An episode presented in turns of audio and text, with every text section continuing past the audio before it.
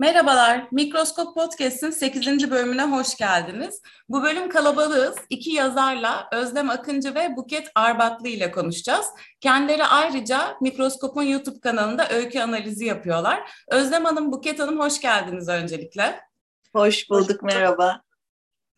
Ee, YouTube'daki programınız şahane öncelikle. Tebrik etmek isterim. Bu programı yapma fikri nasıl ortaya çıktı? Ee, Özlem'in fikri. Ben çok atladım. Özlem As- istersen sen söyle buna cevap. Tamam. Buket'le yılbaşından önce bir buluşalım demiştik. Hiçbir şey yoktu yani ikimizin de kafasında öyle bir şey yapalım fikri yoktu. Ne zamandır görüşmüyorduk. Hadi bir buluşalım diye buluştuk, yemek yedik falan. Konuşurken böyle karşılıklı bir şey mi yapsak acaba falan diye böyle bir şey oldu. Ben de geçen sene pandemi zamanında böyle kendi kendime bir proje yapmıştım. Arkadaşlarım katıldı. Zoom üzerinde öykü atölyesi gibi işte bir öykü seçiyordum. Ee, arkadaşlarım bir okul seçiyordum. Oraya kitap bağışı yapıyorlardı. Karşılığında benim öykü analizime giriyorlardı. Böyle kısa süreli iki aylık bir projeydi bu. Ee, çok o zaman bir şeyi fark ettim ki evet öykü incelemesi insanların çok da çok kişinin yapmadığı bir şey. Pek evet. bizde e, çünkü öykü okunmuyor, öykü üzerine çok fazla konuşulmuyor. Ve herkes çok memnun kaldı. Yani edebiyatla ilgisi olmayan kişiler katıldı genellikle. Ee, onun için hep böyle içimde bir tarafta böyle bir şey, bir tohum vardı yani. Buket'le konuşurken işler ben geçen sene böyle yaptım falan derken laf lafa açtı ve Aa, hadi bunu yapalım. Aa tamam işte mikroskopta yapalım diye böyle e, doğdu. Çok da güzel yapmışsınız. Peki programda konuşacağınız öyküleri neye göre belirliyorsunuz ve hazırlık süreciniz nasıl geçiyor? Hazırlık sürecimiz biraz eziyetli çünkü Özlem'le ben teknolojik olarak çok geriydik. O, o şey, yok YouTuber ışığı bilmem ne bütün onları hazırlamamız, evin doğru köşesini bulmamız falan e, epey.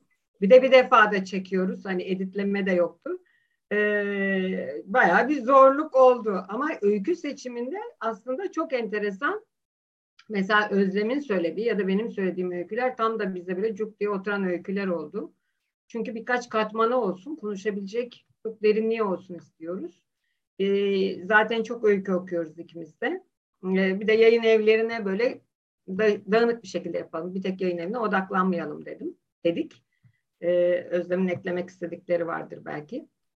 Yok evet yani zaten e, Buket'te ben de iyi okuyucuyuz. Yani öykü okuyoruz. Dolayısıyla çok güzel öyküler var. Yani aslında konuşacak, üzerine konuşacak o kadar çok e, öykü var ki e, sevdiğimiz öyküler tabii böyle pat diye zaten aklımıza geliyor biraz işte bu sefer de bu yayın evinden seçelim diye kendimiz karar veriyoruz. Kimse dışarıdan hiçbir e, etki gelmiyor bize.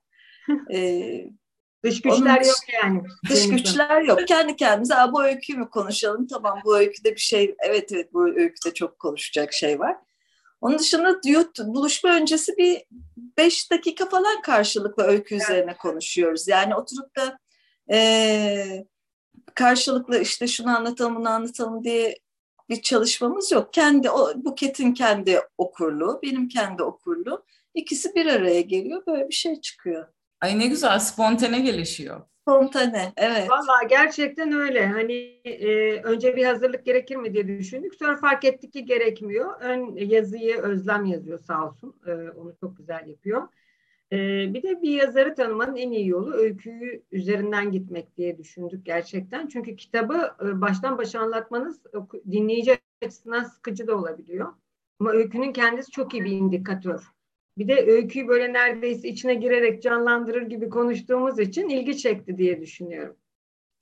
Bir de öyküleri yani e, hepimiz öyleyiz. E, defalarca okuyoruz. Evet. Yani üç kere, beş kere, on kere hani bu yılları dağılmış.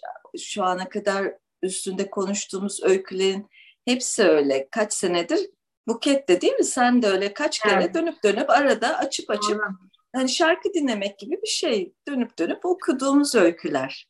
Bir de bazen şey oluyor, size oluyor mu bilmiyorum, bana çok oluyor. Bir öyküden bir kahraman ya da bir olay hatırlıyorum. Diyorum ki adam üvey babası oğluna e, onun gay olduğunu gözüne sokmak için pembe pasta yaptırıyor. E, üniversitedeki oğluna, doğum gününde, üvey oğluna. Ya bu neydi diyorum, delirir gibi onu arıyorum. Kütüphanede arıyorum, arkadaşlara soruyorum, herkesin başına bela alıyorum. E, unutulmaz öyküler ve kahramanlar var. Onları konuşmaya evet. vaktimiz olsa. Keşke, evet evet. Bir de öykü okurken siz de söylediniz hep işte birkaç kez okuduğunuzu, her okuduğunuzda da farklı bir şey çıkartıyorsunuz değil mi? Yıllar içerisinde de okuduğunuzda tamamen değişik şeyler çıkabiliyor ortaya. Tabii. Yani bazen yayın sırasında bile bir şeyi fark ediyorum veya e, okurken. Veya bir başkasıyla da geçen sene de o söylediğim projede de e, çok yaşadım ben belki 15 kere okumuşum öyküyü. Kaç kere kaç grupla çalışmışız üzerinde. Hala ondan sonra birisi çıkıyor bir şey söylüyor. Aa evet ben bunu hiç fark etmedim diyorum. Yani öykü iyi yazılmış öykü daha doğrusu böyle bir şey. Kesinlikle büyük yazarların özelliği bence. Okuyorsunuz çok etkileniyorsunuz bir daha okuyorsunuz başka ayrıntı. Sonra işte Samantha Schwably'nin Ağızdaki Kuşlarını okumuştuk.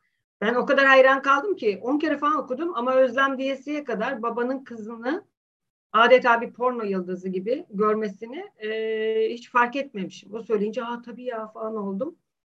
Yani gerçekten herhalde e, bir tür deha bu. E, iyi yazarların e, gösterdiği. Evet, kesinlikle. Peki bu aralar neler yapıyorsunuz bundan başka? Ben ee, dosyamı yazmaya e, sözüm var editörüme. e, Zarife Hanım kulakları çınlasın. Korkuyorum ona mesaj atmaya falan. Çünkü e, sözüm ona Mayıs'ta gönderecektim. İkinci dosya üzerine çalışıyorum. Yani ikinci kitap için. E, bir de bazı projelerde öykü olarak yine katılıyorum. Kitap projelerine. Onlar da çok güzel oluyor. Çünkü başka yazarlarla tanışmak, o projelerde geliştirilen fikirlerin içinde olmak çok Bir de başarırsam roman yazıyorum inşallah. Yarım kalmış roman Ben de inşallah. ee, ben de Mikroskop dergide kısa öykü e, seçimi yapıyoruz. Yani her sayıda bir tema sayının teması çerçevesinde birkaç sözcük veriyoruz. E, bunları kullanın diyoruz. İşte birkaç sözcükte bunları kullanmayın diyoruz. Buna göre bize öyküler geliyor. Bu öykülerden birkaç tanesini e, seçip o yeni sayıda yayımlıyoruz. Çok güzel. Hazır temadan da bahsetmişken bu ayki temamız emek. Bunun hakkında birkaç cümle alabilir miyim sizden? Sizin için ne ifade ediyor? Emek aslında e, insanoğlunun e, bence e, varoluşundan bu yana e, geliştirdiği, üzerinde e, en büyük ilerleme kaydettiği konu. Hem ilerleme kaydettiği hem de kaydedemediği. E, çünkü e, emek tek e, fiziki ya da zihinsel olmakla kalmıyor. Birçok alanı var artık teknolojiyle birlikte de bambaşka açılımlara gitti. E, ama bir yandan da e, bununla bu kavramla ilgili büyük e, bir e, erozyon da var gibi geliyor. Mesela ben o 20 22 yaşında oğlum var. Onun jenerasyonuna bakıyorum. E, hepsi e, en az emeği harcayarak en büyük sonuçlara ulaşmak istiyorlar. E, bu bizim yetiştirilme tarzımıza ve içinde bulunduğumuz yani döneme çok ters.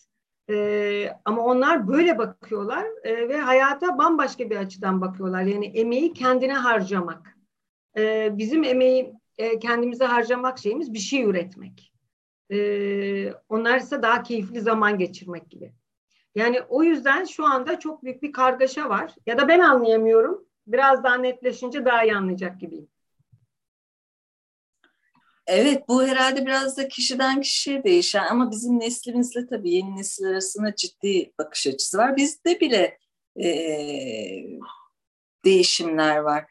Emek tabii görünmeyen bir şey. Görünmediği için de değeri pek anlaşılmıyor. Yani e, mesela bir kitap yazılıyor, bir öykü yazılıyor. Üç sayfalık bir öykü.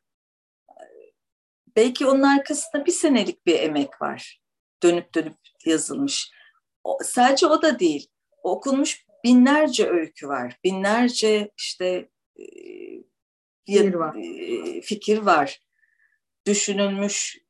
E, bunların hiçbiri görünmeyen şeyler. Onun için de değer bilinmiyor tabii. Yani aslında bütün incelik işin hayatın bana öyle geliyor bu benim şahsi fikrim. Hayatın güzel tarafı benim için e, işin orada, o inceliğinde, işçiliğinde ne kadar emek harcanmışsa herhangi bir şey bu sadece öykü için demiyorum bir yemek pişirmek için de olur herhangi bir şey sıradan en en e, duvar örmek için bile aynı şey e, geçerli.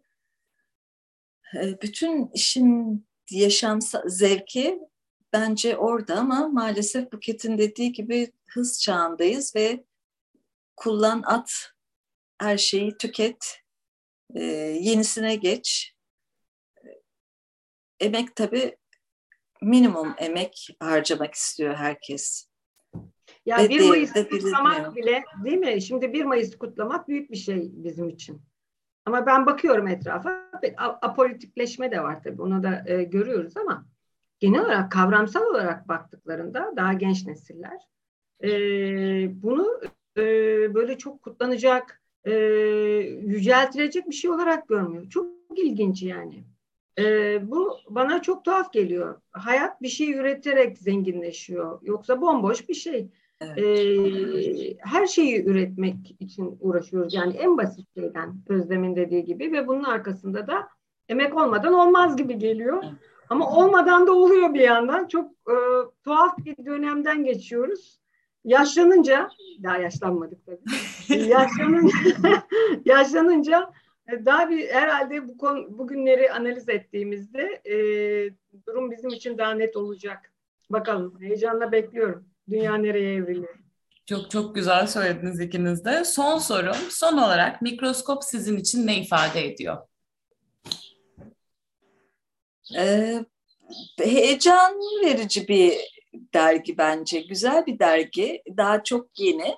Çok daha bence e, güzel yerlere gelecek. Yani güzel dediğim şöyle farklı platform ortamları kullandığı için e, erişilebilirliği, işlevselliği çok e, daha yüksek. Yani yazılı bir edebiyat dergisi ya da kültür dergisinin ötesinde e, bazı şeyler sunuyor. Yani en azından bu kitle yaptığımız söyleşi. E, yani sesle, görüntüyle orada detay kendimizle katılıyoruz. Ee, gençlerin olduğu dergi olduğu için ben benim ad, kendi adıma daha mutluyum. E, mikroskopu ben e, metaverse giriş gibi görüyorum. Şimdi ben bu nedir Allah aşkına diye çok okudum işte seyrettim falan.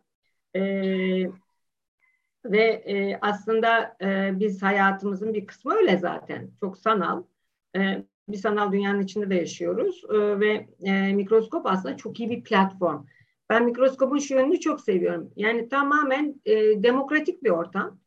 E, böyle ast üst ilişkilerinden ziyade mesela ben geçenlerde bir queer sayısı yapsak mı diye Müge Hanım'a söyledim. Dedi ki Buket fikrin güzel. Sen bunu al yürüt.